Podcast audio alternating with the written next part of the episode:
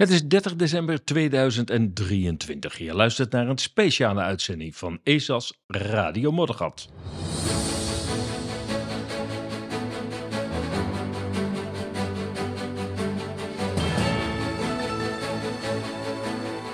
En voor deze speciale uitzending toog ik naar Den Bosch om daar te spreken met Dennis Spaanstra van Police for Freedom. En hij was ook de leidende persoon in de, in de toezicht op de recente verkiezingen voor de Tweede Kamer. Het werd een uh, zeer geanimeerd gesprek in een mooi glazen huis daar er in Willem II van Den Bosch.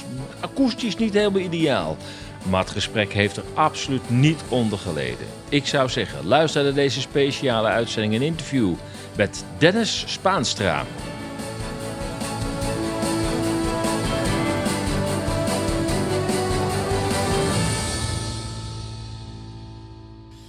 Maar in ieder geval, we zijn uh, vandaag in uh, Den Bosch aangeland. In de sigarenfabriek.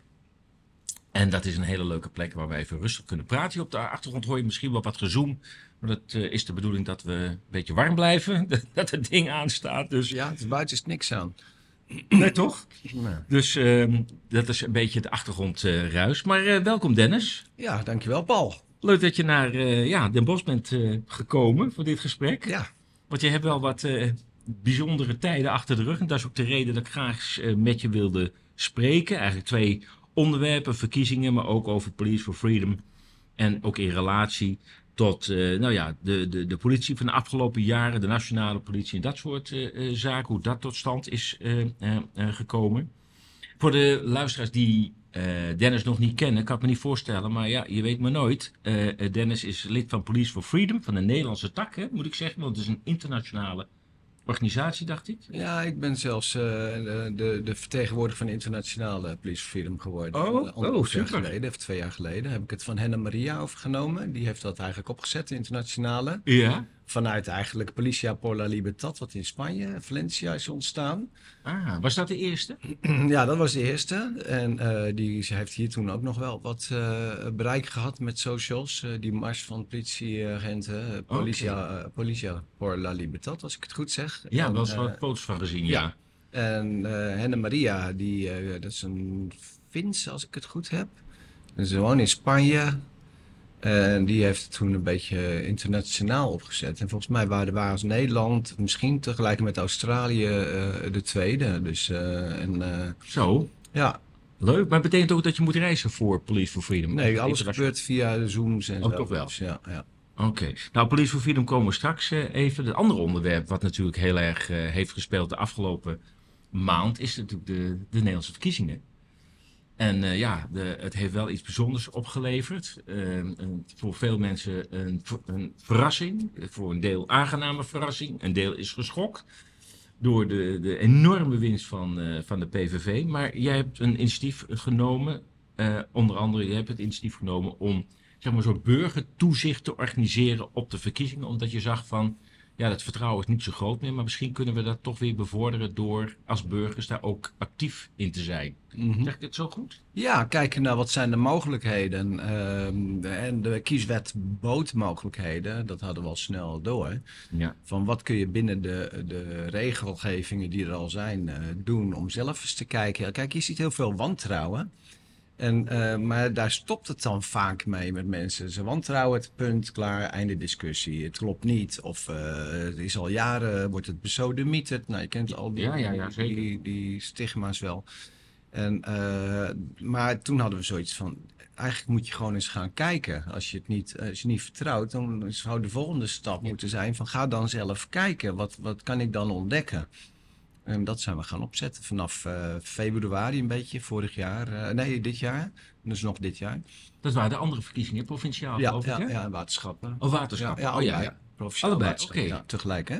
Ja, ja, ja. 15 maart. En zijn de... Maar goed, misschien komen we straks tot de resultaten. Maar um, je begon dus in, in het begin van dit jaar daarmee. En hoe, hoe zet je zoiets op? Uit het niets... Want zoiets bestond nog niet. Net als dat we het eigenlijk altijd hebben gedaan. Gewoon zeggen dat je het gaat doen. Net als met marsen. Eh, Mensen vragen wel eens van, ja, hoe regel je dat allemaal? Nou, gewoon op een x-moment ga je gewoon de wereld wereldkundig maken eh, van ik ga dit doen. En Ja. eh, samen met een aantal organisaties ik, ik merkte, eh, ik wilde het gaan doen. En ik merkte dat eh, eh, via het netwerken, dan ga je netwerken. Dan ga je kijken bij wie kan ik het wereldkundig maken, welke kanalen zijn er, wie wil helpen. Want als je meer groeperingen hebt, dan krijg je meer bereik. Ja. En, eh, dus het, het gaat niet helemaal vanzelf. Hè? Mensen denken altijd, als ik een post maak op Facebook, dan, dan moet het Is gebeuren. het klaar? Nee, zo werkt het niet. Dus dan, dan moet je wat meetingjes organiseren, wat draagvlak en dan ga je dat een beetje eh boetseren.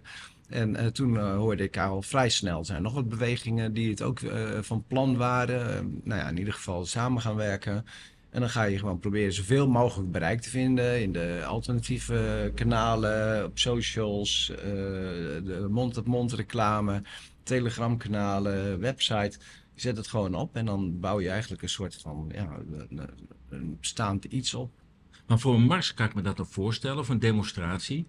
Maar toezicht op verkiezingen is toch wel weer de next level eigenlijk. Hè? Dat is, dan vraag je toch iets heel anders van iemand. Ja, en er komt veel meer. Het is een langduriger proces. Je hebt een voorlichting nodig, Ja. communicatie, organisatie. eh, dat is allemaal nog niet zo eenvoudig. Daar kom je ook pas achter. Hè? We zeggen altijd van we zijn eh pipi langkous. We denken wel dat we het kunnen. Maar dat was met die marsen net zo. Want Ja, we hadden echt ja. geen idee toen we met die marsen begonnen wat dat eigenlijk precies inhield. Eh, Vanuit mijn politiewerk vroeger wel. Ja, Maar ja. niet vanuit de andere kant. Van als je dat dan doet, waar, loop je dan allemaal eigenlijk tegenaan? Gunningen en dat soort zaken. Ja, en kapen en... eh, Oh ja, oh ja, ja, ja. Nooit van gehoord, joh. Dat is- wist ik helemaal niet. Dus eh, ja, ja, dat ja. dat kon bestaan überhaupt. Dus eh, dan, dan, dan ja, inderdaad, vergunning heb je niet nodig. Maar je kan het gewoon melden. Hè. Maar dan, dan kunnen ze het ook weer verbieden als je het meldt. Dus eh, nou ja, dat soort dingen. Ja, ja, ja. Maar, even, eh, maar die verkiezingen, dat opzetten, dat betekent dat je, nou ja, ten eerste de verkiezingsprocedure goed moet kennen. Nou, ik moet je heel eerlijk zeggen dat de gang naar de stembus, dat is voor mij bekend, dat stukje. Ehm, en er heeft iets plaats met telling. Ik heb zelf ook nog wel een keer op een, bureau, eh, op een eh, stembureau geteld. Maar het hele proces daarna en hoe dat precies zit. Maar dat betekent dat jij het jezelf heel erg eigen hebt moeten maken. Ja. En vervolgens al die mensen die zeggen, nou, ik ga toezicht houden. Die moeten toch ook eigenlijk wel precies weten, waar, waar kijken ze nou naar? Ja, en eh, dat was gelijk een beetje een soort van eh, cognitieve dissonantie voor mezelf. Want ik geloof niet zozeer in managers die altijd alles maar kunnen, weet je wel. En dan, Nee, dan ben je politieagent geweest en dan heb je eh marsen georganiseerd en dan ineens heb je weer verstand van, van politieke verkiezingen en zo. Ik voel, je wordt een beetje een soort Hugo de Jonge bijna, weet je wel. Dus die elk ministerie kan die, die alles weet, weet je. En ik denk, nou, dat, zo werkt het ook niet. En ik Nee. geloof daar ook helemaal niet in. Maar ja, je ontkomt er niet aan om jezelf wat in te lezen. En je gaat dus deskundig om je heen zoeken. Dus, dus je, roep- je roept eigenlijk op voor, aan eh, mensen van, heb je hier verstand van, meld je bij ons. En eigenlijk was meer het idee ook dat het, dat, dat een zelfstandig opererend geheel zou worden. Met deskundigen, organisatoren, mensen die communicatie zouden doen, mensen die eh, public relations zouden doen, noem, noem maar op, weet je Ja. wel. Dus, maar Ja. uiteindelijk merk je toch wel dat je, dat je er niet aan ontkomt dat je toch wel heel veel zelf daar ook eh, weer van moet weten. En Anders kun je er ook niet echt een beslissing over nemen. Precies. Iets Wat vond je mensen die echt deskundig waren op dat proces? Ja, Oh ja? ja. heel, heel deskundige mensen vonden we, ja. Ah, oké. Dus die wisten precies hoe dat proces loopt en waar nou de kritische punten zitten. Ja, eh, eh, mensen die al jaren eh, vrijwillig waren op stemkantoren, mensen die bereid waren om daarnaast in te lezen, mensen die voor internationale controles, Jacqueline, die is ook bij Blackbox geweest, OCSV volgens mij, als ik het goed zeg, internationale waarnemingen doen Oh, ze in andere landen. Oh ja, ja, ja, klopt. Ja, dat dat Ja. soort dingen. Eh, mensen die eh, eh, een beetje tegen de, tussen onze bewegingen en de, de instituties in zitten. Die wat verstand hebben van wetgeving. eh, daar ook mee te maken hebben gehad. Ja. Dus je vindt best wel een. eh, je komt best wel snel in. In, een, eh, in regionen terecht waar heel veel kennis is. Als je daarin verdiept. Dat is wel grappig. Maar je had uiteindelijk iets van 500 mensen bereid gevonden om uiteindelijk daadwerkelijk die ehm, controle uit te voeren. Eh, Hebben die een soort cursus gehad of hoe heeft dat gewerkt eigenlijk? Eh, we hadden 2066 mensen eh, aangemeld eh, gekregen. En uiteindelijk hebben 500 mensen zijn op pad gegaan. Dus dat zegt ook weer iets over van hoeveel men, eh, wat is de verhouding van wie echt wat gaat doen. Ik denk namelijk dat het met Mars ook zo werkt. Ik denk dat als je 10.000 mensen bij Mars hebt, dat er rustig 50.000 zijn eh, als database daarvoor, zeg maar. Ja. Dus, Ja. eh, maar hoe- ja, hoe werkt dat? Eh, je gaat voorlichtingen geven, je gaat kijken van in de communicatiegroepen. die, we hadden eerst alleen een, nou ja, we hadden eerst alleen een nieuwsbrief. Maar dan merk je dat is niet goed genoeg. Dus je bouwt de communicatiestructuur op via Signal. Maar daar wil niet iedereen in. Die wil in WhatsApp en die wil in Telegram en die wil alleen Ja. op de website. Die wil eigenlijk een nieuwsbrief en die wil een papieren brief. Nou, dus het is echt een, eh een Oh, Poolse landdag. Ja. En, eh, maar dan ga je proberen te scannen in die communicatie die er is van waar hebben mensen vragen over. En daar gingen we dan vaak op inspelen van oké, dat werkt zo. En je maakt infographics en eh, noem maar op. En voorlichtingsfilmpjes. Eh moeten weer niet te lang zijn, niet te diep op de materie ingaan. Moet altijd een beetje kijken van wat, wat, wat kunnen mensen blijven volgen, et cetera, et cetera. Ja, ja. Dus eh, eh, inschattingen in, maken. Van ja, wat vinden we minimaal belangrijk? Dus op prioriteringen stellen. Van, Maar is dat zeg maar via eh, ehm, online communicatie gegaan, die voorlichting? Of heb je ook avonden georganiseerd? Hoe werkt nee, dat is voor- vooral online gegaan. Dus eh, via. 500 is ook veel natuurlijk en die komen uit heel Nederland. Ja, verspreid over heel Nederland. Dus eh, nee, dat is vooral online gegaan. Eén keer een, is er een bijeenkomst geweest in Driebergen bij eh, Antropia. Oh ja, ja. Nou ja, die ken je wel, denk ik. Jazeker. Eh, van de VVE. hè. Absoluut. Ja. Ja, dus Mooie gelegenheid. Ja, eh, de, de- ook een leuke eh, samenwerking met eh, Erik van Antropia. Ja, dus die Leuk. heeft dat ook mede mogelijk gemaakt, waarvoor we nog steeds heel dankbaar zijn. Mooie bijeenkomst geweest. Nou ja, de- daar hebben we wat voorlichting gegeven, maar het meeste gebeurt inderdaad gewoon via de socials. Ja, ja, ja. Waar ik me altijd over verbaasd heb, is dat, en daar hebben mensen online, zag je daar over opmerkingen over maken, is dat we uiteindelijk stemmen met, met eh, gewoon eh, eh, vuilnisbakken. Dat vind ik nog steeds een raar fenomeen. In het buitenland zie je van die, nou ja, glazen boxjes, of nou hebben ze van alles bedacht. Maar geen vuilnisbakken. Nee. Waarom doen we dat nou in Nederland? Heb je enig idee? Nou, ik denk dat, dat we pragmaten zijn in Nederland. Want Ja, het dat is goedkoop, eh, het is makkelijk aan te komen. Ik geloof, ik, ik, zoek, ik zoek daar niet heel veel achter. Nee, nee, ik ook niet, maar Nee. ik denk... het- Uh, maar het helemaal transparante boksen, dat is wel bespreekbaar. Je komt natuurlijk overal achter als je hiermee bezig gaat. Dus we hebben ook een advies geschreven naar de kiesraad hierover. ja, Want het, eh, eh, het helemaal transparant maken van eh, die stemboksen kan als gevolg hebben dat iemand hem niet goed opgevouwen erin gooit. En dat iemand die naam loopt en vervolgens zo mee kan gluren van... oh, heb jij op Pietje gestemd? Weet je, dat dat, Oh. dat net Ja. zichtbaar is. Dus we hebben nou als advies geschreven... maak gewoon eh, van desnoods, als je het lekker goedkoop wil van die, van die kliko's... eh, Snij daar gewoon van die stroken uit en dan zei ik op 10 centimeter breed. En je hebt doorschijnend plastic ja. Wat eh, in verschillende variaties doorschijnend is. Dus je kan het blurry maken ook. Nou, dan zie je wel dat er niks in zit, maar Ja. je kan niet lezen wat erop staat geschreven. Ja, want dat is dus een mogelijk fraudepuntje. Hè? Dat, wat, dat las ik ook in jullie rapport. Van ja, er kan in principe, kunnen er al stemmen in zitten. Ja. Eh, nou, dat geloof ik niet dat dat gebeurt. Het, nee, maar het kan technisch wel. Ik In dat- theorie kan het. Ja. Nou, het gaat vooral om de waarnemer. De- Ja. het- het- het- als je, dat, dat is ook het grote proces doorgronden. De waarnemer die komt eh, de, vanaf eh, half acht gaat dat eh, stembureau open. En dan, dan zijn, als het goed is, die kliko's op slot. Hè? Dus Ja, dan, ja. dan kunnen ze niet goed kijken. En wat ze dan doen is met een zaklampje door het brievenbusje naar binnen schijnen, optillen. Nou, daar hebben we ook een advies over geschreven. Dat is hoogst onwenselijk, want dat ziet er natuurlijk gek uit als je daar Ja. binnenkomt en je mag het. Je Ja. mag het doen. Ja. Alleen ik denk dat als je daar voorzitter bent of teller, dat je denkt, wat is die man met die kliko aan het doen, weet je wel? Dat is toch gek. Dat ziet er raar Dus we hebben gewoon gezegd van dat is een onwenselijke situatie. En, maar uiteindelijk eh, is het zo dat voordat ehm, eh, die, die, die waarnemer binnen kan komen, en hoewel hij kan ook eerder binnenkomen volgens mij, maar dat uh, pin me er niet op vast dan, dan openingstijd. Want hij mag in principe bij het hele proces aanwezig zijn. Eh, anoniem zelfs. Oh. Eh, maar ehm, is het wel zo dat 's ochtends de, de, de voorzitter en de tellers door twee man moet die, klik, moet die kliko gecontroleerd worden of dat die leeg is. ja. Nou, moet je je voorstellen, je hebt eh, zo'n 9200 eh, stemlokalen in Nederland.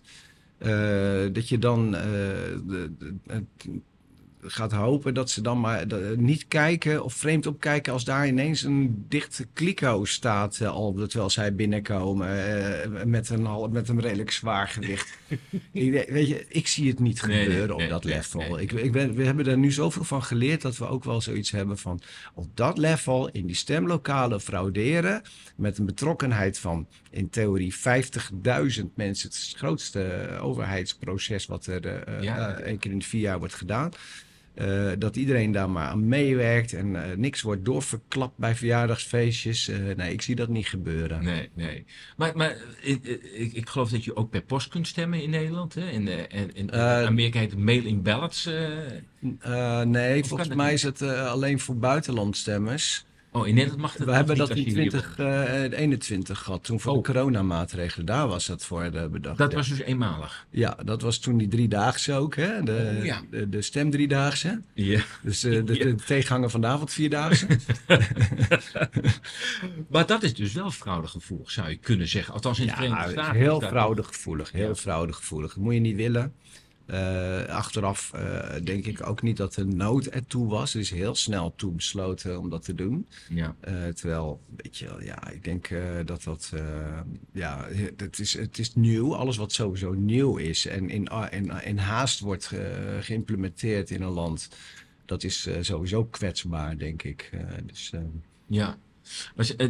Kortom, zeg maar, in, in de verkiezingsbureaus zeg je, nou ja, goed, daar zitten heel veel toegewijde mensen. Er zijn ook mensen van verschillende plumage. ja, er zal ook wel eens gerommeld worden. En dat is ook in maar het dat is zo marginaal. Ja. Daar kun je de, de, de verkiezingen niet eh, beslissend mee sturen, omdat de getallen te klein zijn in zo'n stembureau. Ja, nee, het schaalt niet. Het schaalt niet. Nee, nee. Hè? Maar, maar goed, daarna, daar hoor je ook wel eens natuurlijk over, dat mensen zeggen, ja, maar daarna wordt er iets in de automatiseringsbox Ja. gegooid. Ja.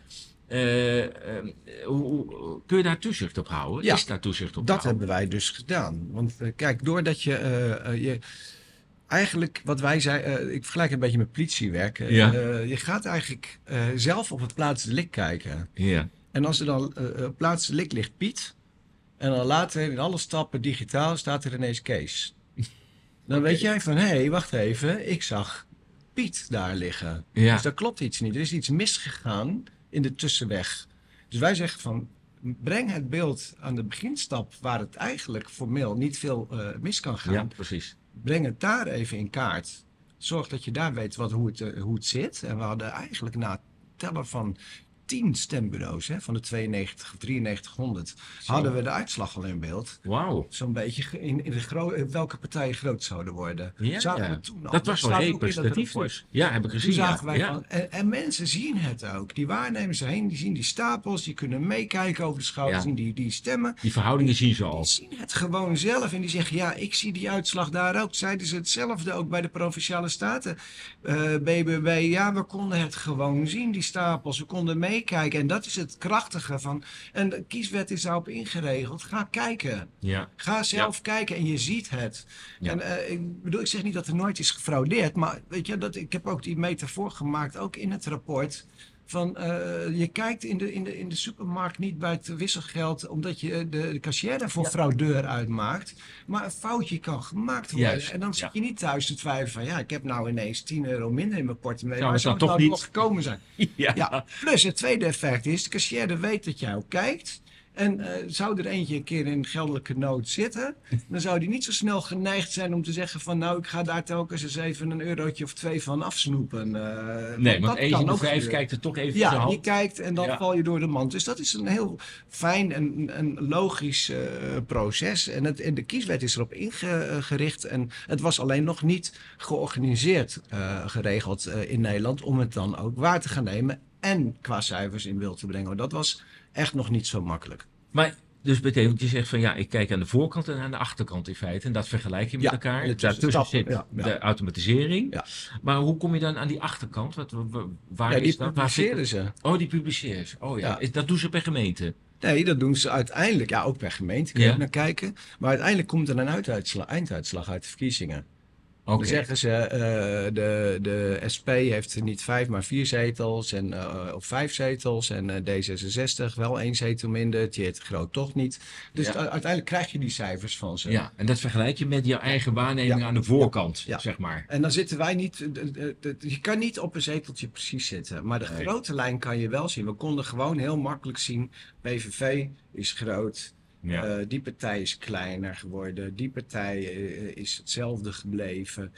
Dat konden wij, zagen wij ook allemaal. Je, als je onze rapporten bijpakt. Ja, ik heb het gedaan. Dat, dat, er zit maar soms één zetel tussen, Ja, tussen ja. wat jullie hebben waargenomen en wat het uiteindelijk werd. en, en heel veel precies hetzelfde ook. Hè? Dus, eh, Ja, ja, dus gelijk. En eh, bij ons, en dat vond ik wel heel leuk voor eh, onze objectiviteit. Bij ons kwam eh, GroenLinks PvdA. kwam groter, drie zetels groter uit de bus dan landelijk. Oh, ik daar stiekem wel een beetje blij om was. Ik denk van, nou ja, dat, gezien Ja, onze achterban. Ja, kan me zou je kunnen verwachten dat hij juist kleiner wordt? Want ik denk niet dat daar veel op zo'n partij zouden stemmen. Maar dan zie je hoe objectief dus zo'n groep Ja. mensen is. En hoe eerlijk en transparant. En het systeem is ook wel eigenlijk eh, heel goed gebouwd. Zodat er weinig eh, gefraudeerd zou kunnen worden binnen onze eigen groep. Want daar hebben we ook rekening mee gehouden. Ja, ja, ja, ja. ja. Wat, de, de verantwoordelijkheid voor de verkiezingen ligt bij de kiesraad, hè? Ja. Heb je daar contact mee gehad? Aan de voorkant, dan wel daarna? Aan de achterkant, eh, we hebben inmiddels een uitnodiging gehad van de kiesraad. Oh, om daar eens over te komen bomen. En de- om, om te kijken of ze dat misschien niet wat kunnen professionaliseren? Of heb je idee in welke insteek ze gaan kiezen? Nou ja, ik denk dat, dat het sowieso interessant is. Kiesraad is zelf ook bezig geweest met van waarom, moeten, eh, waarom hebben zij dingen veranderd? Eh, in, eh, dat digitaal stemmen eruit, Oh ja. papier stemmen. Wa- wat is de grotere gedachte daarachter? En ik snap hem wel. Want het, dat is een politiek belang. Als je, als je bevolking niet vertrouwen heeft in de verkiezingen, Ja, dan, gaat, dan heb je echt een probleem in je democratie. Want dan vertrouwen ze alles wat daarna komt ja, ook niet. meer. Ja. En, en dat zie je dus in een grote stijgende lijn. We hadden bij de vorige eh, verkiezingen hadden we 2,8 miljoen niet-stemmers eh, in 2021. Dus eh, die mogen stemmen, die Ja. niet stemmen. Dus mensen Ja. zeggen, ja, er zitten ook die mensen die allemaal gek zijn. Nee, die zitten er al niet bij. Dus van iedereen die Ja, mag stemmen, 13,4 of zoiets. Of 13,2 volgens mij zijn het er Oké. waren er 2,8 miljoen mensen die dus niet naar de stembus toe gaan. En dat is gevaarlijk. En dat kan groeien, zo'n proces. En dat betekent dat je een soort schijndemocratie krijgt. Want eh, dat, dat, eh, dat is een equi- equivalent van zo'n 34 zetels. Hè? Dus Niet komt opdagen. Ja, vier- als die allemaal op één partij zouden stemmen, heeft die partij 34 zetels. Ja. En Ja. eh, dat is dus eh, niet wat je dan in je verkiezingen terugziet. En de, de gevestigde partijen die al jaren bestaan, hebben een soort van vaste achterban. Hè? Die Dat- komen wel. Dat noemen ze graag kartelpartijen. Ja, ja. Eh, die komen wel, omdat ze hun leven lang. Ik, ik heb hem ook, die, mijn familie van vroeger, die, die stemmen hun leven lang gewoon één partij. Die kijken nergens naar, die le- lezen dezelfde krant, die, le- die leven in dezelfde eh, omgeving. Die kijken niet naar onze Twitter-accountjes en Facebook-accountjes. Weten ze ook niks van. Die weten niks van Police for Freedom of eh Voor Waarheid of Samen voor Nederland. Nee. Weten ze allemaal niks van. Nee, nee. Die gaan gewoon in de stembus stemmen dat. En er wordt veel. Dat, dat, dat, is, een, eh, dat is trouwens een interessant gegeven. Dat als die 2,8 miljoen mensen wel gaan stemmen.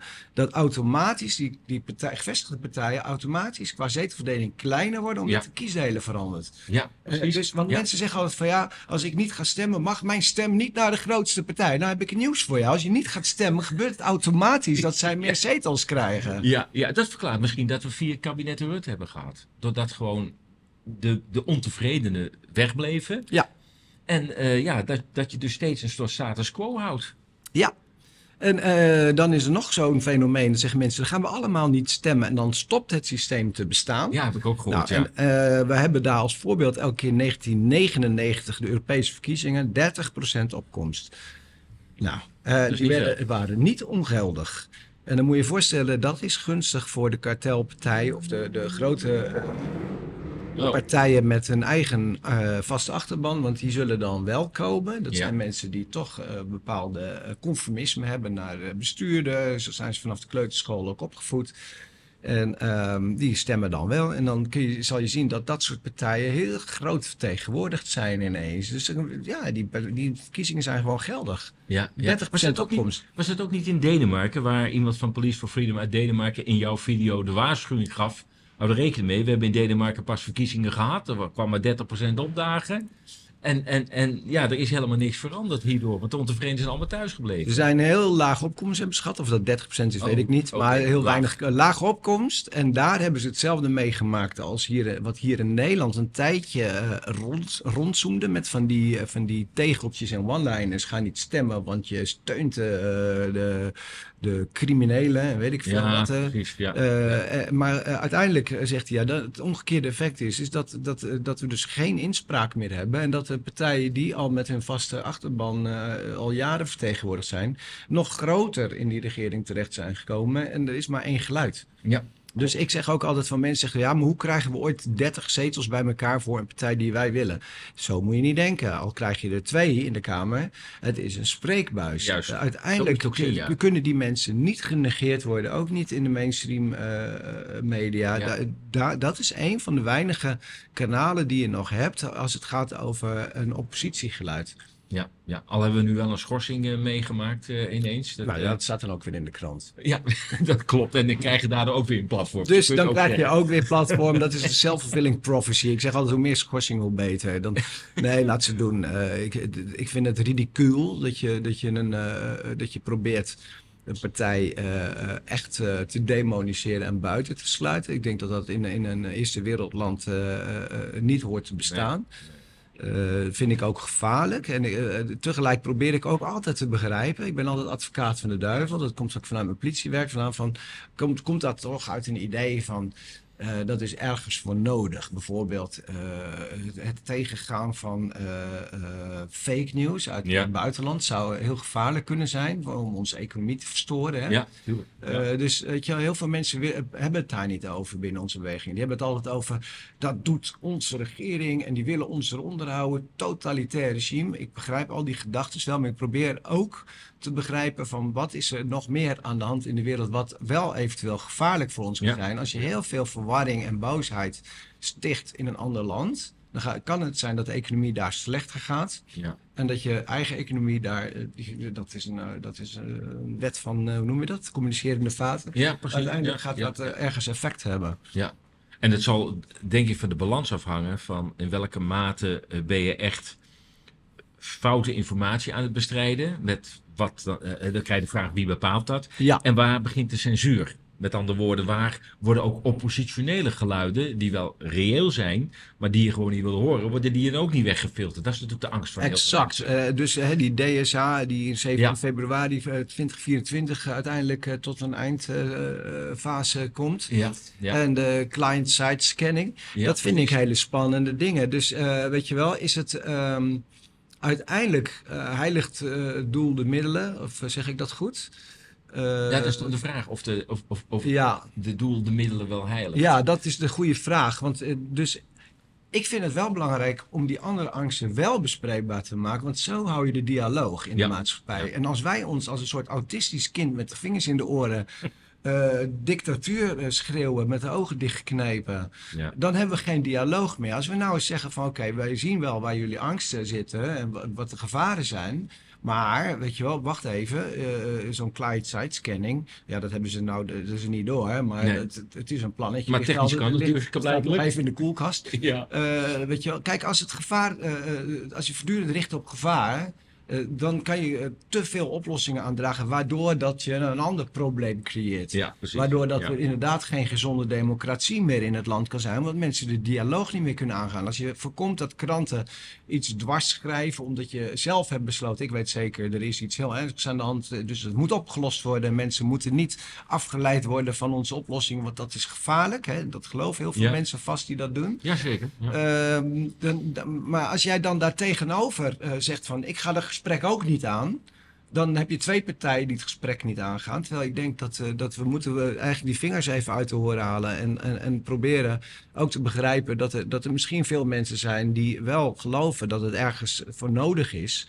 En, en daar toch mee in gesprek blijven gaan. Dat is ook wel waar ik op hoop, ook met eh, de, de controleverkiezingen. ja, precies. Je slaat echt een brug. Ja, Ja, Ja. Nou ja wat, ik, wat ik heel erg merk is dat, dat zeg maar, eh, we hebben het steeds over het narratief, hè? het overheidsnarratief, het mediale narratief.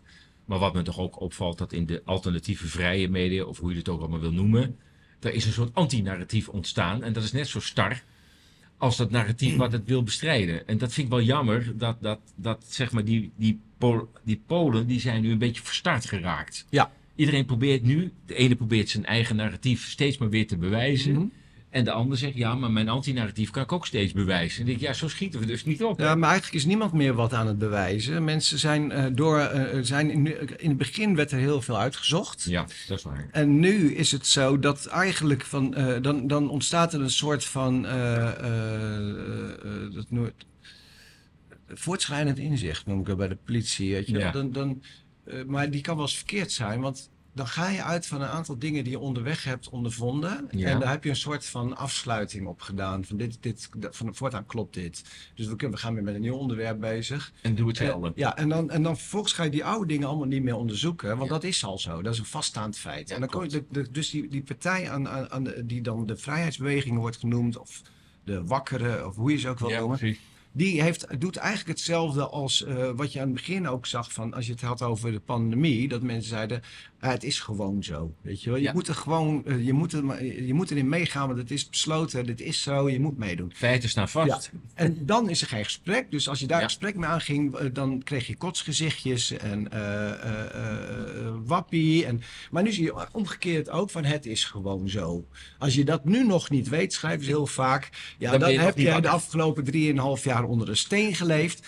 Ik vind het ook echt A, naïef en ik vind het eh, star en, en, en dom. Dat Ja. soort taal. Ja. Want je staat niet meer open om naar de inhoud te kijken. Ja. Dat moet je telkens opnieuw blijven doen. Ja, precies. Want dat is wel duidelijk eh, als, als je bepaalde onderwerpen neemt, of het nou de situatie in Oekraïne is of nu wat in in Israël speelt, dan wel over de prikken of de maatregelen. Ehm, eh, mensen beroepen zich dan op semi-objectieve eh, bronnen zoals de wetenschap, als het gaat om de hele eh, COVID-situatie. Dan denk ik, ja, aan beide partijen eh, liggen er onderzoeken.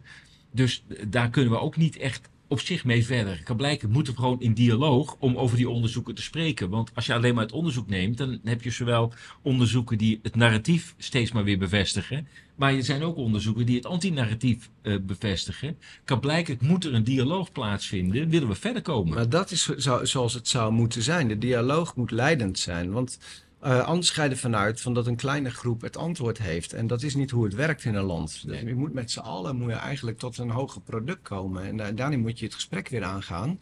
En misschien ook durven te zeggen van misschien weten we het allemaal niet helemaal zeker. Ja, dat is ook waar. Eh, dat vind ik een hele fijn om te zeggen. Ik zeg altijd tegen mensen om een beetje tegengas te geven. Die zeggen van ik weet nu alles al, weet je wel. oh, oké. Eh, die mensen die weten Ja, weet alles al. Hè? Ja, die dan hoor je bij het groepje van de mensen die alles nu weten, de wakkeren, die het helemaal doorhebben, precies alles. En dan denk ik van dat is knap, weet je, dat je alle, alwetend bent hè? Over alles wat er in de wereld iets wat heel gebeurt. complex is. Ja, wat heel complex is. Eh, ja, je moet stoppen met, eh, met dat. dat, dat eh, dan ga je religie uit, uitdragen. Ja. Zeg maar, van, dit hoeft niet meer onderzocht te worden, dit is zo. En we moeten het gesprek aangaan. Ik geloof dat we daardoor als soort sterker zijn geworden. doordat je heel veel input hebt. Dat zie je in een groep van twintig man als je een teambuilding oefening doet. Er zit er eentje bij die kan goed eh, knopen leggen. De ander kan goed organiseren. Weer een ander gaat in een hoekje zitten touw uit de knoop halen, weet je wel. Ja. Iedereen eh, kan zijn taakje. En we moeten die kracht weer, de synergie, hè, wat eh, Aristoteles ook zei. Dus een hele favoriete van mij. Het geheel is meer Oh. dan de som der delen. ja, dat is niet. Eh, eh, op het moment dat we dat loslaten in de maatschappij, dan gaan we eh, niet meer groeien als soort, dan gaan we echt krimpen. ja, dat is de uitdaging voor de toekomst in feite. Ja. Is dat ook jouw motivatie geweest om eh, betrokken te zijn bij Police for Freedom? Is dat die, die betrokkenheid van ja, er moet weer een dialoog ook over dit aspect plaatsvinden? Ja, nou, eh, dat heeft komt, dat komt meer uit, uit, eh, uit mijn, mijn, mijn professie vandaan. Ehm, als je bij de politie gaat, dan ga je eh, om twee redenen ga je bij de politie. En de enerzijds is dat omdat je heel graag eh, de misdaad wil bestrijden. En je wil in het zwaailicht en sirene rondracen door de straat als een soort eh, eh, Hier is de hulp. beschermen bij nacht en ontij. Ja, En boeven vangen. ja, ja. En aan de andere kant wil je ook heel graag, als het goed is, wil je graag mensen helpen die in nood zijn. Dat, Ja. is een, dat zijn de twee pijlers. Hè? Dus hulpverlening aan hen die dat behoeven en het, het bewaken van de wetten en de regelgevingen. En het handhaven. En eh, het hulpverlenen, dat zit er ook heel diep in mij geworteld. Ik heb altijd uh, gevoeld van uh, als er iets in nood is of een groep in nood is, dan vind ik dat je moet helpen. Zeker er zijn mensen die dan getraind zijn of het in de natuur hebben om naar voren te stappen van oké, ik, ik, denk iets minder over mijn eigen hachje na en dan moet hier wat gebeuren. Ja. En dat heb ik toen gevoeld bij toen ik heel veel ellende zag bij demonstraties.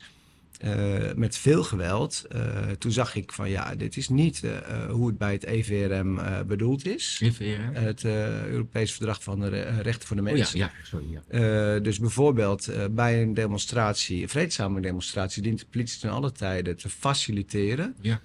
of ze, en dat, dan is een onderwerp van waar dat over gaat, is niet zo belangrijk. En Femke Hals, maar wist dat eigenlijk ook te zeggen hè, ja. in een interview van ik haal hem elke keer weer aan, want het wordt bij mij, bij mijn strafontslag, elke keer van ja, maar ja, als politieagent. Ik denk, nou, als burgemeester uh, uh, heeft zij ook zoiets geroepen. Hè? Zelfs als de demonstratie niet is aangemeld, heeft gezegd. Want het is ja. een van de hoogste rechten die wij hebben. Dat heeft ze wel gezegd, ja. Ja, dus ik dacht van ja, ik zie nu gewoon demonstratie. Ik ben gaan analyseren, wat is dat?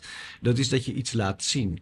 En uh, wat laat je zien? Dat een, een, groep mensen, nou groot is of klein, maar het liefst wat groter, dat er een significante groep mensen is die ook een andere mening hebben dan de misschien geldende of de heersende mening, zeg maar. De, de politie in dit geval. De heersende consensie. Nee, ja, nee, nee, niet per se binnen, in het algemeen. Dat zag ik. Dus de demonstraties werden eigenlijk uh, uh, onevenredig hard uh, bestreden. Covid-demonstraties. Ja, althans, en toen dacht ik van dat is gek, want andere demonstraties konden vrijelijk bestaan. Ja, nogal, ja. En um, ik, vond, ik zag daar, dat vond ik zorgwekkend. veel politieagenten met me, maar de, de politie was niet alleen voor politieagenten, maar ook voor militairen, verpleegkundigen Eigenlijk iedereen die in dienst is van de overheid, een soort van overheid. En dan een hulpverlenende taak heeft. En, en dan een soort van uh, uh, spagaat voelt. Ja. Dus daar hebben we dat voor gedaan. Dus die, de beroepsgroepen noemden we dat dan. Ja. En daar hebben we gezegd van, uh, we moeten zorgen dat we met onze kennis... Een, dat er een vreedzame demonstratie kan zijn die wel kan groeien. Want die, die groep mensen is er. Je zag op een gegeven moment, in het begin kwamen zo 20 juni eh, 2020, volgens mij een hele grote groep mensen naar Den Haag. Dan zie je eigenlijk het potentieel al daar aanwezig van hoe groot die demonstraties kunnen worden. En dat zijn demonstraties die niet zoals de kernwapendemonstraties waar de, de oude vandaag nog over praten. Van kijken, we ons toch eens met veel zijn. Ja, in het al drie maanden aangemeld in de Telegraaf. Kom allemaal. Ja. Want dat was een angst. Hè? Dat was een angstnarratief. Daar wil de krant goed voor oproepen. Van de regering help ons, want we vinden het eng met al die bommen. Ja. Ik kreeg als kind ook nog trainingen. Kruisraketten Dan, dan is een juf op een fluitje en dan moesten we ons onder ons schooltafeltje gaan zitten. Dan dacht ik, en dan vliegt al dat glas naar binnen. Ik hoop dat ik hier veilig zit. Dus ik heb daar ook nog allemaal uh, die uh, indoctrinatie meegemaakt. Maar dit was niet aangekondigd in de kranten, dit was niet gewenst en uh, dit kon ontzettend groot worden. En toen zag je eigenlijk door heel veel geweld dat het klein werd, dat mensen ja. niet meer durfden te komen. Ja. Toen dacht ik, nou wordt onze grondrechten echt, echt schade toegedaan. Hè? Nou, dat, en dat vond ik heel ernstig. En als politieagent voelde ik van, die mensen moeten, die hebben hulp nodig. En uh, dat was gewoon hulpverlening aan hen die dat behoeven. We hebben uh, geprobeerd wat veiligs op te zetten. Daar is het eigenlijk ontstaan van probeer een veilige ding op te zetten waarbij mensen veilig in een grote groep kunnen laten zien, demonstreren, uh, dat er ook een andere mening is. Niet per se de ware, maar een andere mening. Uh, je, ook over die dia dialoog gaat het dan. Kun je verklaren, want zeg maar tot nou ja, maart 2020 werd er ook natuurlijk gedemonstreerd voor, voor van alles en nog wat. weliswaar op kleine schaal, maar er waren gewoon heel veel demonstraties. En daar hebben zich, nou ja, ik, ik put uit mijn herinnering, geen gigantische excessen voorgedaan. Uh, en de politie reageerde zoals je dat over het algemeen ook verwacht. Als er uh, mensen zijn die op rellen uit zijn, die worden aangepakt. Maar als het vreedzaam is, dan blijft het ook vreedzaam. Dat, is, dat was het beeld waarmee we 2020 ingingen. En toch ging het al heel snel mis. En wat mij heel erg heeft verbaasd, is A, dat het hier in Nederland mis kon gaan. Uh, dat ik denk van, hè, hoe kan dat nou dat het zo van ene jaar op het andere jaar er zo anders gereageerd wordt. Maar ik zag het ook internationaal. Als je beelden zag uit Australië, Nieuw-Zeeland, nou, de, de rillingen liepen over mijn rug. Ik denk, ja. daar hebben ze zelfs die, die, hoe heet het, die beercats of die, die, die gewapende auto's ingezet. En ze hebben daar riot police en militairen. En dan denk ik, ja, ik wil niet in complotten denken, maar dan denk ik, waren nou al die regeringen los van elkaar van overtuigd, dit moeten we hard bestrijden? Of is er iets gecoördineerd? Hoe kan het nou dat er geen land was die zei van, ja, dat, dat doen we hier niet hoor, dat, eh, dat, dat in elkaar slaan, dat doen het hier rustig aan. Alle landen deden. Moet je kijken wat er in Berlijn gebeurde. Dat is, Ja. dat, dat heeft me nog, dat verbaast me tot de dag van, van nou, hoe kan het? Terwijl ook in diezelfde periode, wat je net ook zei, ook andere demonstraties plaatsvonden, met andere onderwerpen, nou klimaat was of Black Lives Matter, wat dat, kon allemaal wel. Ik kan me herinneren in, in, in, in Berlijn in, de, in, die, in 2020, er was ook de Christopher Street Parade, sorry, waarbij 70.000 mensen, gays, op straat met elkaar aan het vieren waren. In dus die zogenaamde coronaperiode 2020. Nou, dat ging allemaal prima. Dat was een leuk feestje. Vond de gemeente ook een heel leuk feestje. Maar toen er gedemonstreerd werd tegen corona, nou, er was een politiemacht op de been. En dan denk ik, Ja. Hoe kan dat grote verschil hebben, zijn opgetreden? Omdat eh, er een, eh, eh, een soort van consensus is dat er een gevaar is. En daar hadden we het in het voorgesprek ook al Ja. over gevaren. En ik denk dat mens, eh, op het moment dat mensen geloven dat er echt oprecht een gevaar is. En ik Ja. denk dat heel veel mensen dat ook wel echt hebben geloofd. En dus ook bij de politie. Ja, natuurlijk. Natuurlijk. Alles wat in de maatschappij gebeurt, dat gebeurt bij de politie sterker. Dat is toch een geïsoleerde groep mensen. Hè? Die, die daar kan ik wel iets meer over vertellen, maar die, eh, waar makkelijker nog het afscheid wordt genomen van een dialoog. En da- dat is logisch. Hè? Dus dat, dat zit in de aard van het beestje. Ja. Dus op het moment dat er een ad hoc gevaar is, dan is er geen tijd om te discussiëren. Want eh, je staat op straat, er- eh, dan ge- gevaar, iemand met een honkbalknuppel, wha- whatever. Ja. Dat, dan gaat de baas zeggen, we gaan dit doen, jij gaat daarheen, jij gaat daarheen. Gaat niemand zeggen, we gaan eerst vergaderen. Geen discussie. Nee, we gaan vergaderen en dan morgen dan, dan stemmen we erover. dat kan niet bestaan. Dus het Ja. zit heel erg in de cultuur van de politie om te acteren bij, bij direct gevaar. En zo is het beschouwd. Dus ik denk dat dat dat eh, een van de redenen is geweest dat, eh, dat het zo ver uit de hand liep. En een ander fenomeen eh, wat ik heb gezien is dat tot 2020 eh, eh, heel veel repressie was tegen politiegeweld. Dus de politieagenten zijn jarenlang door de mangel gehaald. Die durfden niets meer te doen. Niet eens, weet je wel, als een verdachte zei van... eh, er waren de, de politieagenten, je hebt altijd mensen die voorop lopen. En die hadden dan een bakje, noemen ze dat bij de politie, weet je wel. Dan hadden ze een onderzoek aan hun broek, want dan hadden ze Oh, weer te bakje. veel geweld gebruikt. Oké. En dat heb je eigenlijk tot 2020 gezien, dat dat heel veel gebeurde. Dat eh, eigenlijk eh, de, de, de, de leiding stond al als de verdachte binnenkwam, het liefste met, met klachtenformulieren stond te zwaaien naar de verdachte. Wil je niet alsjeblieft een klacht indienen, want je ziet er ook best wel eh, beurs uit. En eh, dus eh, er is heel, veel, heel weinig steun gevoeld bij politieagenten vanuit eh, Heel de veel overheid frustratie opgebouwd misschien ook. een frustratie opgebouwd. En toen was het ineens eigenlijk, eh, de, de hekken gingen open. Ja. En dan betekent niet dat alle politieagenten dat gaan doen. Maar dan heb je een groep mensen. Want mensen zeggen altijd van, ja, dan moeten mensen uit Europa komen. En die hebben, die, dat zijn allemaal buitenlandse politie. Gezegd, dat is niet nodig. Dat zijn 60.000 politieagenten. Er zitten er vanzelf eh 500 tussen die wel van een robbetje vechten Ja, houden. ja, ja, en eh, misschien thuis niet zo'n lekkere relatie hebben met hun vrouw, gefrustreerd zijn. En denken nou, van, en nou eens even, keer, eh, eh, even lekker erop klappen. Hè? De-. Die mensen, als je die niet iets in de weg legt, wat dan kan bestaan omdat er een gevaar is. Dus dan komt er waarschijnlijk een soort consensus van ja, dat ging misschien wel wat ver. Maar ja, eh, als we ze nu gaan afvallen, dan gaat die groep misschien groeien. En dat is een gevaarlijke groep. Dat moeten we niet hebben. Dat idee moet niet te veel verspreid raken wat zij zeggen. Want dan, eh, dan gaat iedereen hier uh, standtepeden dood aan, eh, aan een eh, pandemie. Dus dat mag niet bestaan. Dus dan ga je ook verschuiven. In, in, in, eh, dus ik zoek daar nooit iets heel erg opzettelijks achter. Ik geloof dat dat allemaal processen zijn die logisch wel verklaard kunnen worden. Toch zijn er wel echt excessen geweest. Dat Ja. je echt denkt van ja, maar wacht even, dit is met geen enkel motivatie nog te rechtvaardigen. Nee, absoluut eens. Ik heb mijn tranen in mijn ogen naar zitten kijken. Ja, toch? Er zijn beelden- Ja, nee, absoluut. Ik, wil, ik probeer het... Ik, Heel ik- on-Nederlands, laat ik het zo zeggen. Nou, ja, het kon gewoon niet bestaan. Eh, hè? Dus als iemand helemaal kwetsbaar op de grond ligt en Ja. je gaat nog extra een hond erop zetten, Ja. dat- dat- dan maak je van iemand gewoon eh, eh, hondenvoer, zeg Ja. maar. Dat kan, kan niet bestaan in een eerste wereldland. Ik heb het ook middeleeuws genoemd, ook met die paarden Ja, en bussen galopperen, eh, eh, scheuren op moddervelden waar je niet snel kan remmen. Eh, dat, dat vind ik, heel eerlijk gezegd, dat past goed in, in, in een middeleeuwse slagveld, zeg maar. Hè? Dat, Ja, met ja. honden, paarden en, en bloed en modder. Ja. Dat, dat is niet, dat is niet bescha- een beschaving waardig. Ja. Denk je dat intern dat toch nog besproken is, dit soort zaken?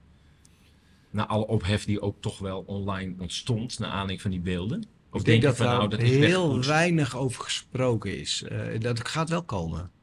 Dat gaat wel komen, denk ik. Eh, dat moet nog langer geleden zijn. Toch wel? Ja, Ja. ja, de, de schuldigen zitten nog op hun. Er zitten nog te veel mensen die eh, het ogenluikend hebben toegestaan, zitten nog op de posities waar ze zaten. Zodra die allemaal weg zijn, Ja. dan gaat er wel een, een, een gesprek komen. Eh moet er maatschappelijk ook wel iets kantelen, denk ik. Eh, het gaat niet van de een op de andere dag gebeuren, maar uiteindelijk gaat dat wel komen. Uiteindelijk eh, de- denk ik dat dit te groot is geweest eh, om eh, weg te poetsen in de geschiedenisboeken. Dat gaat niet Toch meer wel. lukken. Ja. En er zullen ook heel veel agenten zijn geweest die hier heel veel moeite mee hebben gehad, Ja. denk ik. ja, die zijn er. Die- En die zijn ook nog Ja. steeds bij de politie. Ja, die zijn er ook, ja. ja. Mhm. Ja. En nou ja, de, de, het, het begrip Romeo's is heel vaak gevallen. Mhm. Als een soort, eh, nou ja, ik heb met een politieagent erover gesproken. En die zegt, nou ja, goed, die, die zijn bedoeld om de ME-linies gesloten te houden. En nou ja, als er raddraaiers tussen zitten, dat zij, zeg maar, zonder de linies te doorbreken, die raddraaiers eruit kunnen pakken. Dat, dat, dat was zijn verhaal. Zo van daarvoor zijn die Romeo's bedacht. ja. Maar goed, we hebben ze ook zien optreden. eh, althans, voor zover je die fragmenten van die filmbeelden. Het zijn natuurlijk allemaal stukjes die je ziet. ja. Maar die hebben toch wel een bepaalde naam opgebouwd in de, in de, in de afgelopen drie jaar. Ja, en dat vind ik ook eh, wel echt eh, ehm, een spannend fenomeen. Wat, die Romeo's zijn inderdaad bedoeld voor bij grote rellen, eh, de, raddraaiers tussenuit Ja. halen. En vaak heb je er maar een paar, hè? En dan, dan wordt het best wel snel stil. Ja. Bij voetbalrellen en zo. Oh ja, Dus, eh, ja. Op zich een heel mooi fenomeen. Ik, eh, eh, ik vind het ook goed dat het bestaat. Dat is ook de oorsprong, zeg maar, van... Ja, of dat de oorsprong precies is, dat weet ik niet. Ik heb dat nooit echt goed uitgezocht, maar ik weet dat ze daar voorheen wel voor werden ingezet. En ik heb zelf ook ME-werk gedaan en, en dan ben je er heel blij mee dat die mensen er zijn. Want het zijn er maar een paar die de hele tijd de rest ophitsen en de rest Ja. blijft er achteraan rennen. En als één met stenen begint te gooien naar ramen, dan ineens gooi je er tien met stenen naar ramen. Nou, als je die ene van tevoren eruit pikt. Ja, dus, eh, maar Romeo's, dat vond ik wel een, eh, een, een, een spannend onderwerp. Hoewel ik wel zoiets heb van, je gaat ik kan mij ook niet, weer, ik kan mij ook niet eh, zeggen van, die hebben daar een soort plannetje gehad, die Romeo's. Ik geloof niet dat dat zo werkt. Ik denk dat die gewoon ingezet worden. En ehm, als je het dan hebt over de-escaleren, want als die Romeo's werden ingezet, dan escaleerde het altijd. Ja, Toch? dat was in ieder geval zichtbaar op die En beelden. dan komt de Telegraaf en dan, dan zodra de, de demonstranten wat terug doen, dan komen die op de voorpagina. Ja. Eh, en vervolgens, eh, dan, had je een soort van, eh, ja, dan was de cirkel weer rond. Maar dat die Romeo's dat weten, dat denk ik niet. Ik denk dat daar in een commandocentrum zit van, we hebben op de camera Pietje, en die is vorige keer ook al, die heeft er, hier zie je hem op de foto met een steen in zijn hand of zo, Ja. weet je wel, die is gevaarlijk. En eh, ga maar aanhouden. Nou, dat zou je dan op dat moment, als je dat de vorige keer hebt gezien, dat dat enorm escaleerde, moeten zeggen, weet je wat, dat doen we niet. We Het werkt even blijkbaar niet goed. tot Pietje naar huis gaat. We weten toch wie hij is. Ja, En dan, dan, dan, dan, eh, maar goed, eh, dan, dan is daar, wordt daar een afweging gemaakt van dan zou het op dit moment escalerend kunnen werken als Pietje daar eh, straks geweld gaat toepassen. Zo wordt dat van, vanuit hun kant gezien. Ja, dat die Romeo's, die weten dat niet. Die krijgen in een oortje van eh, eh, Pietje loopt rond en die moet nu eh, opgehaald worden. En die zit daar en die ziet er zo uit. Nou, dan zien ze hem. Hé, hey, vrek, we hebben Pietje gevonden. Nou, dan up de bus in en wegwezen. Het zijn wel Nederlanders, geloof ik, toch ook die Romeo's in principe, toch? Of Ja. Er werd wat gezegd, ja, ik hoor ze ook andere talen spreken of zeggen, dat is bullshit. Ja, nou, ik kan me nog voorstellen. Kijk, en dat. dat ik, ik, het kan hoor dat ze andere talen spreken. Het kan ook zo dat ze het voor de grap doen. Als dat, een, eh, als dat dan de volgende dag in die groepen allemaal rondgaat. Ja. Hè, dat, Ja. eh, dat dat lach is. Weet je wel, want als dat één keer iemand gefantaseerd wordt, dan kan ik me voorstellen dat een politieagent die van een grapje houdt, eh, denkt van kijken of we het volgende dag weer online kunnen krijgen. Eh, ik weet het niet. Ik Nee. heb, eh, wij hebben geen aanwijzingen gezien. Er zijn foto's zijn er rondgegaan en dat was allemaal later bewijsbaar niet in Nederland. Eh, dus eh, Oké, Als je kijkt naar de algemene ontwikkeling binnen de politie, eh, zeg je van nou wat we tijdens de COVID-periode hebben gezien, dat was echt wel een uitzonderingssituatie waarin persoonlijke angst een rol speelde, eh, waarbij je ook naar de journalistiek kunt kijken en eh, waarbij ook journalisten eh, misschien oprecht bang zijn geweest en daardoor in een bepaald narratief bleven zitten. Mhm. Of zeg je nou, er is toch ook wel een wat langere termijn trend gaande in de politie? Hè? Bijvoorbeeld de vorming van de nationale politie. Is dat onderdeel van een, van een bepaalde trend? Of zeg je, nou ja, je hebt aan de ene kant een reorganisatie naar nationale politie. Aan de andere kant heb je die verharding gezien in de COVID-tijd. Dat, staan- dat zijn dingen die zijn helemaal los van elkaar. Of zeg je nou, ik zie wel een trend naar een ander politieapparaat. Ja, ik zie dat eh, eigenlijk vanaf voor 94, ik weet het niet meer precies of dat 94 was, begin jaren 90 heb je de, van de, de, de, de politie is toen veranderd van gemeentepolitie naar regiopolitie. Ja, En toen is het, na, eh, eh, uiteindelijk zijn ze van 26 eh, gemeentes, of eh, 26 regio's, zijn ze naar 10, 11 regio's gegaan. En uiteindelijk naar een soort nationale politie. Dus je ziet eigenlijk een centralisering van de politie. Dat vind ik een heel vreemd iets dat dat gebeurt. Eh, het wordt ver- werd verkocht bij de nationalisering van de politie destijds van er gaat geld bezuinigen. Nou, dat is niet gelukt, want het heeft ontzettend veel geld gekost. 250 miljoen kan ik me herinneren. Ja, dat is nog veel meer. meer geworden. Eh, het heeft zoveel geld gekost en het heeft eh, vrijwel niet, ja, het heeft niet veel opgeleverd. Maar wat, wat, wat je eigenlijk altijd ziet bij hervormingen van, van dat soort organisaties, is dat men op een of andere manier nooit zegt van het is mislukt, laten we teruggaan naar het vorige. Nee, doen zeker we zoveel geld heeft gekost. Nee, dat lijkt wel een soort van. eh, Nee, dat, eh, dat, eh, dat, Nou zetten we door. Ja, dan, want we hadden toch goed dat het anders moest. Weet je wel, dan doen we weer wat anders. Ja, Dus dat zal ook een stukje eer zijn van degene die het heeft bedacht, heeft gedaan, nou ja, et cetera. Ehm, eh, wat je eigenlijk in de jaren 90 zag en 2000 was dat, dat er veel, er eigenlijk overal werd uitgeleerd van eh, we moeten decentraler gaan werken. Want dat komt ten goede van eh, het, het, het, het, het maatwerk voor, voor de, mensen die daar wonen in de wijk. We moeten de wijk in ja. in gesprek gaan gaan. eh buurtregisseuren, noem maar op. benaderbaar, aanspreekbaar. En wat doe je? Je gaat centraliseren. Precies het omgekeerde Ja. van... eh, wat je ook eh, hoorde was, eh, wat ook bij de basis een heel, bekende materie is, is contextgericht in plaats van systeemgericht werken. Dus dat was, ook dat, dat was ook een uitvinding dat ze zeiden, ja, we moeten niet systeemgericht gaan werken, want dan wordt iedereen over... Het politiewerk is niet vangen in vaste protocollen. Dan moet je, dus het is hbo-werk, hij heeft ook nog een minister Ja. genoemd. ja, ja. Nou, wat zien we? We sturen BOA's met zes weken opleiding in de straat. Dus je ziet dat ze van alles wat ze zelf hebben uitgevogeld, dat ze het omgekeerde gaan doen. Dus eh, ze willen decentraliseren. Wat doen ze? Ze gaan centraliseren. Eh, ze willen eh, contextgericht werken. Wat doen ze? Ze gaan systeemgericht werken. Maar ja, bij, bij centraliseren past ook alleen maar systeemgericht werken. Dat gaat bijna niet meer. het grote aantal. Eh, het verschil tussen Amsterdam Centrum of Oost-Groningen kan je daar niet meer goed in bewaken. Dus dat, dat kan al niet. En het andere fenomeen wat ik zag, is een vervaging van de trias politica. Mm. En ja, ik denk dat dat allemaal. Heel veel mensen zeggen ja, dat is opzet. Ik, ik, ik geloof daar nooit zo in. Ik denk dat dat een soort van handig wordt gevonden van bovenaf. Want nu, weet je wel, het verschil met vroeger is. eh, Vroeger had je de politie viel onder binnenlandse zaken en justitie onder eh, justitie ja. natuurlijk. En ehm, eh, nu is, wordt dat allemaal eh, onder één minister. Dat, vind ik, oh, dat heb ik van het begin gezegd, dat is gewoon heel gek. Dat is Dat moet je niet willen, dat kan niet bestaan. En dat de minister het dan nog in zijn, in zijn bolletje haalt om in een politiejasje te gaan lopen surveilleren, dan, dan ben je al helemaal eh, van je kluts afgevallen, zeg ik. Ja. Eh, dat, eh, of over je stuur heen geslagen, maar er gaat iets mis. ja. Eh, dus dat is, eh, dat is raar. En eh, eigenlijk die vervaging van die, van die, die, die zelfcontrolerende machten met als vierde macht de pers, hè, Ja, ja. die vond ik ook heel zorgwekkend. Dus dan zie je allemaal dingen tegelijk gebeuren die uit een soort van. En ik weet dat het vandaan komt. Dat ko- komt omdat de mensen die in het bestuur zitten zeggen van wij weten hoe het het beste moet. Hè, daarboven in de laag. En ja. vroeger hadden ze 26 eh, koningen zitten in die regio's. Die met, samen met justitie en de burgemeester de dienst uitmaakten. Nou, dat was niet bij te sturen hoor, voor, voor de minister. Nee. Die had daar Nee. niets over te vertellen. Dan kon hij nog zo hard gaan staan stampvoeten. En dan zei die eh, commissaris, eh, nou, ik heb het wel weer gehoord, eh, fijne dag nog. Ja. En, en- nu heb je eh, één, één, eh, één commissaris, eh, dus je kan heel makkelijk van bovenaf... Kan Het is heel een soort snel, legerstructuur geworden, hè? toch? Een hele centralistische... Ja, en heel onpersoonlijk. En dat is ook de meest gehoorde klacht.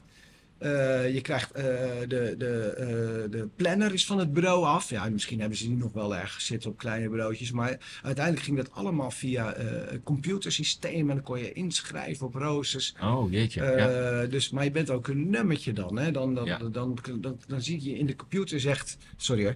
De computer zegt je moet ehm, ehm, morgen werken. Want het is eerste kerstdag, weet je wel. En je kan niemand bellen. Nee. Nou, dat is heel erg. Ja, en degene die dan het meest achter zijn computer zit en het minste buiten doet, die heeft dan het eerst op de computer geregeld dat hij wel vrij heeft. Dat, dat trekt een enorme scheefgroei eh, binnen de organisatie, eh, eh, wantrouwen, maar ook mensen in, die, in die zin het werk worden onveiliger, omdat je niet meer je vaste groep hebt. Iedereen gaat door elkaar heen. Oh ja, En ja. Dat is natuurlijk eh, gebeurd ergens rond 96. Het verander, ik heb toen in een. Dat was mijn eerste eh, eh, bewustwording. 96, 98, ergens. Toen veranderde iets met roosters bij de politie.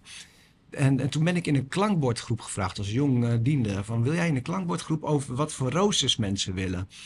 En toen kwam ik erachter van wacht even, dit, is, dit klopt niet. Dit is geen klankbordgroep. Dit is om het plan wat ze al hebben bedacht.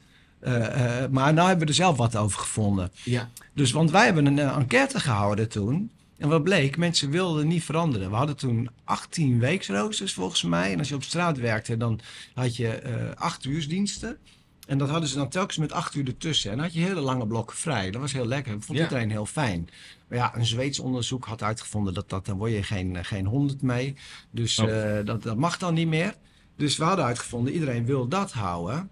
En je houdt je vaste groep. En je vaste groep zorgt voor veiligheid. Ja. Want je kent elkaar, je kent elkaars krachten. Dus dat is een veilige team omgeving. ja. Dus eh, dan heb je, als je dat goed doet, en dan heb je ook niet eh, allemaal tasers en, en, en pepperspray nodig. Want dat team dat kan goed samenwerken, kan deescaleren, die kan goed praten, die kan goed het proces verbaal maken. Je hebt er een sterke chef op nodig, die waarschijnlijk ook eh, eerst tien broeken versleten heeft. Eh, in Ja. plaats van zo zij instromen, chef. En, en eh, ik zeg alles met, met mitsen en maden. Er zijn ook goede. Maar wat je ziet is dat, dat ze eigenlijk. Er is een self-fulfilling prophecy gekomen. Eerst verkloot je het systeem. ja. En vervolgens ga je dat rechtbreien met allemaal nieuwe oplossingen. En nu zetten ze die laag op slot. Mensen kunnen geen carrière meer maken binnen de politie. Eh, ze kunnen niet doorstromen naar hoge lagen, misschien een enkeling, maar je ziet daar veel zij-instroom in komen. Dus die hebben helemaal geen affiniteit met, met wat er onderop gebeurt. Het is een waterhoofdconstructie gekomen. Nou ja, ik kan nog uren doorgaan. Er is nog een systeem eh, van de, waar, in de computer waar ze mee werken. Uit, eh, wat volgens mij door- ooit in de vrije tijd door een hoofdagent thuis is geschreven. Dat hebben ze nog voor een plakband aan elkaar geplakt. En er zit een mooi nieuw eh, schilletje omheen, zodat het er nog enigszins verkoopbaar uitziet naar het publiek in het politiebureau. ja. Dat moet voor 500 miljoen moet dat vervangen worden. Ja, dat had al lang gekund. Hadden ze nationalisering niet moeten doen. Ja, precies. En, eh, maar dan kun je het, het werk super eenvoudig maken. Want eh, de mensen doen vijf tot tien dubbel werk af en toe qua formulieren opmaken. En het, het strookt allemaal niet. En moet vaak weer handmatig ingevoerd worden. En het zal vast af en toe verbeterd worden, links en rechts. Maar dat is plakband ja. en is het ook niet zo dat zeg maar, door die nationale politie ook die democratische controle vanuit een gemeenteraad is verdwenen? Een gemeenteraad kan niet meer eh, sturen. Dus jij als burger hebt ook geen enkele invloed meer op het beleid van de politie. Nee, dat, dat hoorde die burgemeesters ook zeggen. Van, eh, wij weten niet wat de politie gaat doen. Nee, dat is toch heel raar? Dat kan ook helemaal niet zijn. Je hebt hier natuurlijk de su- super regio-voorzitters en zo. Dat vind ik trouwens ook heel gevaarlijk. Want dan heb je het over, hoe heet die man nou? Die, eh, Bruls? Bruls, ja. Als we het Van de over veiligheidsregio. veiligheidsregio. Ja, dat was wel een mannetje, hè? Dat is natuurlijk wel een bijzonder fenomeen. Papa Bruls, hè? Die zal het wel eens even regelen. Ja, ja, maar het punt is natuurlijk, dat is, ik vind dat wel gevaarlijk. Want een burgemeester is al niet gekozen. En ik zou zeggen, Ja. stop daarmee. Je moet eh, gekozen burgemeesters hebben in een democratisch land. Want de burgemeester heeft veel te veel macht in een stad. Dus je moet gewoon, die moet gewoon gekozen worden. En dan ga je nog verder. Dan ga je die van een heel groot gebied de baas maken. Dus dat is stadsoverschrijdend. Dus, eh, de- dus als jij eh, in de regio Hilversum of Utrecht zit, dan betekent dat dat, eh, dat je als Hilversum vanuit Utrecht overruled kan worden. Met, ik vind dat gek. En door iemand die niet door het volk is gekozen. Waar komen die mensen vandaan, überhaupt? Ja, en ook natuurlijk geen ervaring heeft in echt handhaving. Hè. Dat is, het is een burgemeester, een bestuurder. Dat maakt iemand nog niet een, een, een kundig op het gebied van ordehandhaving. Nee, daarom had je vroeger de driehoek. De, de, Ja, de, precies, officier van ja. justitie, de burgemeester en de commissaris. Die gingen met z'n drieën praten. Dan had je van alle eh, Invalshoeken. invalshoeken had je. Maar nu wordt dat eenzijdig overruled. Dus het is allemaal... eh, het systeem is dermate verpest, laat ik het zo zeggen. Dat ik denk dat, dat, dat iedereen nog wel... 80, 90 procent doet gewoon echt zijn best om er wat van te maken. Ja. Maar dit systeem moet vanaf de grond af aan opnieuw opgebouwd worden. Eigenlijk zou je zeggen, die nationale politie moet weer gereorganiseerd worden. En misschien terug naar een meer kleinschalige vorm. Toch weer naar Ja, gewoon terug naar. gemeenten. De, doe eerst maar eens weer terug naar 26 regio's. Ja, Dus verder weghalen bij de centrale macht. Ja. eh, onder een eigen minister. Niet eh, justitie en politie. Nee, eh, dat, levert, natuurlijk. dat ja. levert heel veel eh, belangenverstrengeling op. Ja. Als, justitie, die had vroeger altijd alle zaken op zijn plank liggen. Sinds dat onder een minister kwam, is het opgelost, het probleem. Ja, want nou liggen bij de politie op de plank, want ze sturen Ja. ze gewoon terug. Ja. Hè? En Ja, eh. Ze, ze kapen eh, ervaren regisseurs om eh, juridisch medewerker eh, werkzaamheden te doen. Die hebben ze laten gaan. Dat, dat drukt niet meer op hun budget. En dat laten ze dan regisseurs doen, die vervolgens niet toekomen aan recherchewerk doen. Nou ja, zo is het, eh, het systeem aan alle kanten is gewoon eh, verpest. Door, door goedbedoelende mensen die eh, vast voor een scriptie een mooi ding hebben geschreven. Of een project hebben geschreven. Maar uiteindelijk, het hangt van plakband en eh, pleisters aan elkaar. Dat moet, eh, je moet dat opnieuw gaan opbouwen, helemaal van de grond af aan. Zijn er meer mensen binnen het politieapparaat die denken, nou misschien moeten we daar toch nog weer eens naar kijken? Of zeg je nee, dat is helemaal dichtgetimmerd, er is geen discussie meer over. Ik Klaar. denk dat het vooral met oudere politieagenten zijn. En ik denk Ja. dat die denken van, weet je wat, eh, ik heb het best goed hier. Het zal mijn tijd wel duren. Het zal met tijd wel duren. Dit gaat Maar dat is wel jammer. Dat betekent dat die houding, die democratische houding en ook ervaring natuurlijk, dat die wel, eh, nou ja, verdrongen wordt langzamerhand uit dat apparaat. Ja, en het werk wordt er niet leuker op, hè? Want eh, eh, dat is dus een zelfversterkend effect. Dat versterkt elkaar. Als je, dus al, je bent bij de politie gegaan om iemand te helpen. En als je al geen, geen zaken meer kan, kan draaien. eh, waarin bijvoorbeeld een burger blij wordt gemaakt dat hij zijn gestolen fiets terug heeft. Wat ik vroeger letterlijk nog deed. Ja. Wij deden pseudo-kopen zelf vanaf een, een bureau. Dus betekent dus dat er op marktplaats Grappig, ja. eh, gestolen goederen werden gezien. En dan gingen we, belden de officier van mogen we een, een afspraak maken met die verkoper. En dan uit de kofferbak en dan aanhouden en dan zoekingen. Het, het echte politiewerk, de, de, de, de mensen in het land helpen en, en een veilig gevoel geven in plaats van eh, zorgen dat het systeemgerichte, de compliance denken, compliance versus reliance, Ja, eh, dat, dat compliance denken is van als wij met ons bureau onze cijfers op orde hebben, dan eh, gaan we goede kerst tegemoet. Eh, vooral de chef denkt dat, want die krijgt de hoogste gratificatie dan. precies. Ja, zo werkt En dat. dan moet Ja. je doorbreken. Je moet weer reliance krijgen. Dat mensen het gevoel hebben van ik werk hier om mensen te gaan helpen. En die zijn er echt. Die, eh, die mensen, die- als iemand, eh, als een groep binnen die organisatie zou opstaan, een sterke groep, die dat gaat uitspreken, denk ik dat ze heel veel bijval krijgen. Ook onder de nieuwe lichting, zeg maar. Is er een ander wervingsprofiel ontstaan in, sinds de nationale politie? Ja, het moet bijna wel. Moet bijna wel. Ik heb dat niet helemaal meer meegekregen. Nee, ik denk dat ehm, het moet wel zijn dat ze daar eh, eh, eh, dingen in veranderd hebben. Ik, het, het is, ik denk de jongere politieagenten weten het gewoon niet meer. En ik denk dat ze het ook niet meer te weten komen, omdat de oudere politieagenten eigenlijk niet geacht worden om daar meer over te spreken. Het afgesloten hoofdstuk. En als je daar wel over blijft spreken, dan ben je niet flexibel, vind je niet Ja. mee met het nieuwe tijdperk. En dat zie je vaak bij oude mensen, krijg je dat soort, eh, ja, toch wel... Het wordt niet gezien als wijsheid, maar als eigen wijsheid. Ja, en dat zijn natuurlijk vaak, vaak Ja. jonge, eh, eh, weet je, en, en nogmaals, er zijn hele goede bij hoor. Ook zij in stromers, absoluut, eh, dat, dat ben ik van overtuigd.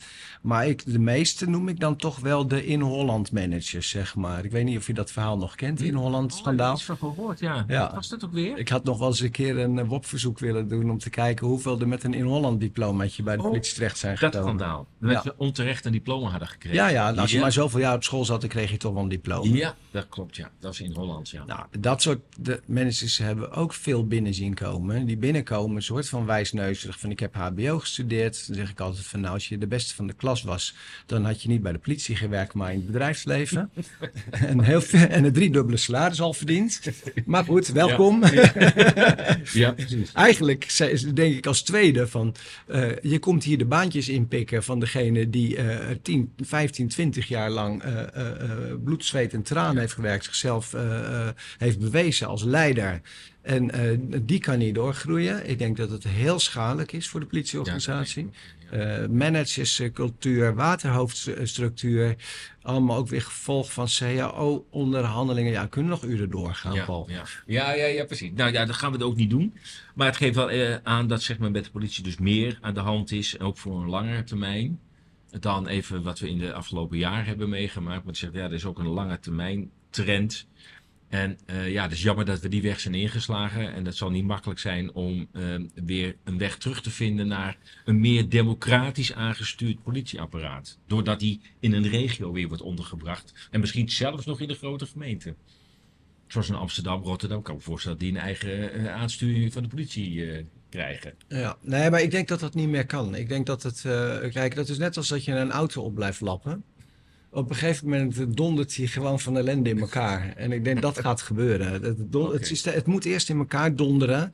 En dan komt men tot bewustzijn van, oké, nu, nu kunnen we niet anders dan iets nieuws opbouwen. Want dit, dit, het hangt van, ja, van ellende aan elkaar vast. En dat ga je niet meer wegpoetsen met een pleister.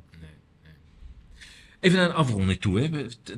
Ik ben even benieuwd, heb je, als je terugkijkt naar het afgelopen jaar, want dit wordt eh, uitgezonden eh, in het laatste weekend van eh, dit jaar. Oh, wat leuk. Dat is mijn verjaardag ongeveer. Ja, 29 december ben ik jarig. Nou, 30 december komt dit eh, online. Een verjaardagscadeau. Ja, nou hartstikke leuk. Leuk, ja. Ehm, even los van de onderwerpen die we net hebben besproken, de politie en de verkiezingen. Eh, als je terugkijkt op 2023, wat, wat blijft jou bij van 2023? Ehm, mijn honden vooral. En dat zei ik ook in het voorgesprek. We moeten ons ook niet alleen maar gaan. Vroeger hield ik me helemaal niet bezig met politiek trouwens. En, en nu te veel. En eh, ik denk dat het goed is om eh, weer eens terug te gaan naar ook weer een beetje wie je was. En eh, te genieten van, van je dierbaren, wat ook mijn honden zijn. Ehm, dingen doen waar je blij van wordt.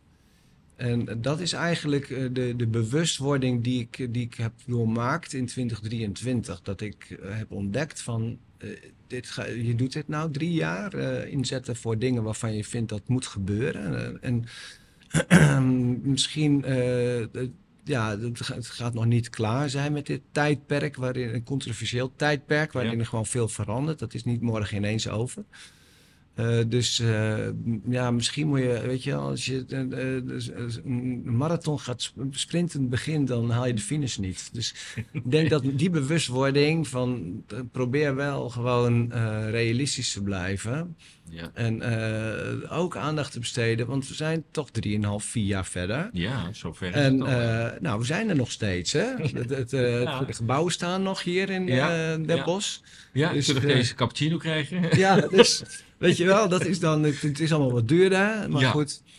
Ja, eh, dat dat is dan, relativering, zeg en maar. dan vanaf mijn honden heb ik dan ook geleerd leven in het moment, weet je wel. Dus zodra we het bos ingaan en het stopt met motregen en het zonnetje breekt door, gaan ze lekker in dat mos liggen, ga ik erbij zitten. En dan denk ik, dit moment is belangrijk. Dit Ja. is het enige echte moment wat er is. Ja, En eh, de rest is allemaal fictie. ja. Ja. Zou je dat ook anderen willen aanraden? Zo van, joh, leef Ja, ook gewoon je leven. Ja, doe dat wel. Doe dat wel. Want anders ga je, dan, dan, dan ga je het niet volhouden. En dan word je verbitterd. Ja.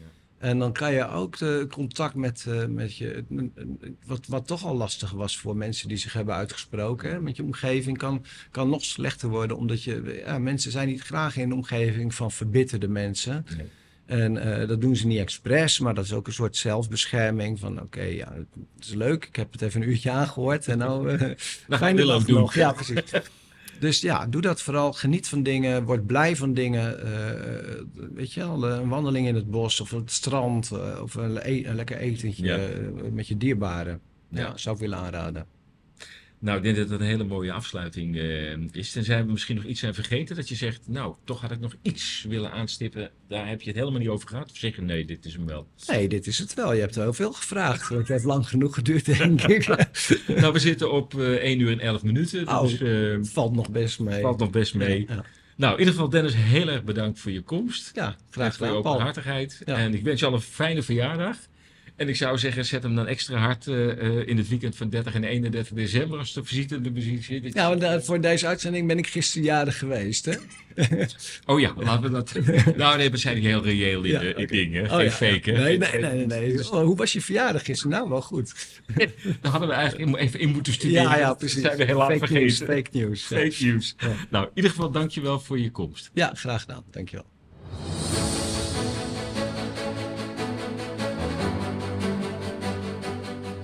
Je luistert naar een speciale uitzending van Ezels Radio Moddergat in dit oudejaarsweekend eh, met Dennis Paanstra. In eh, Den Bosch zaten wij bij ehm, Willem II. Heel erg dank voor de gastvrijheid al daar, Willem II. Ik zou het zeker eh, een keer langs gaan als ik jou was.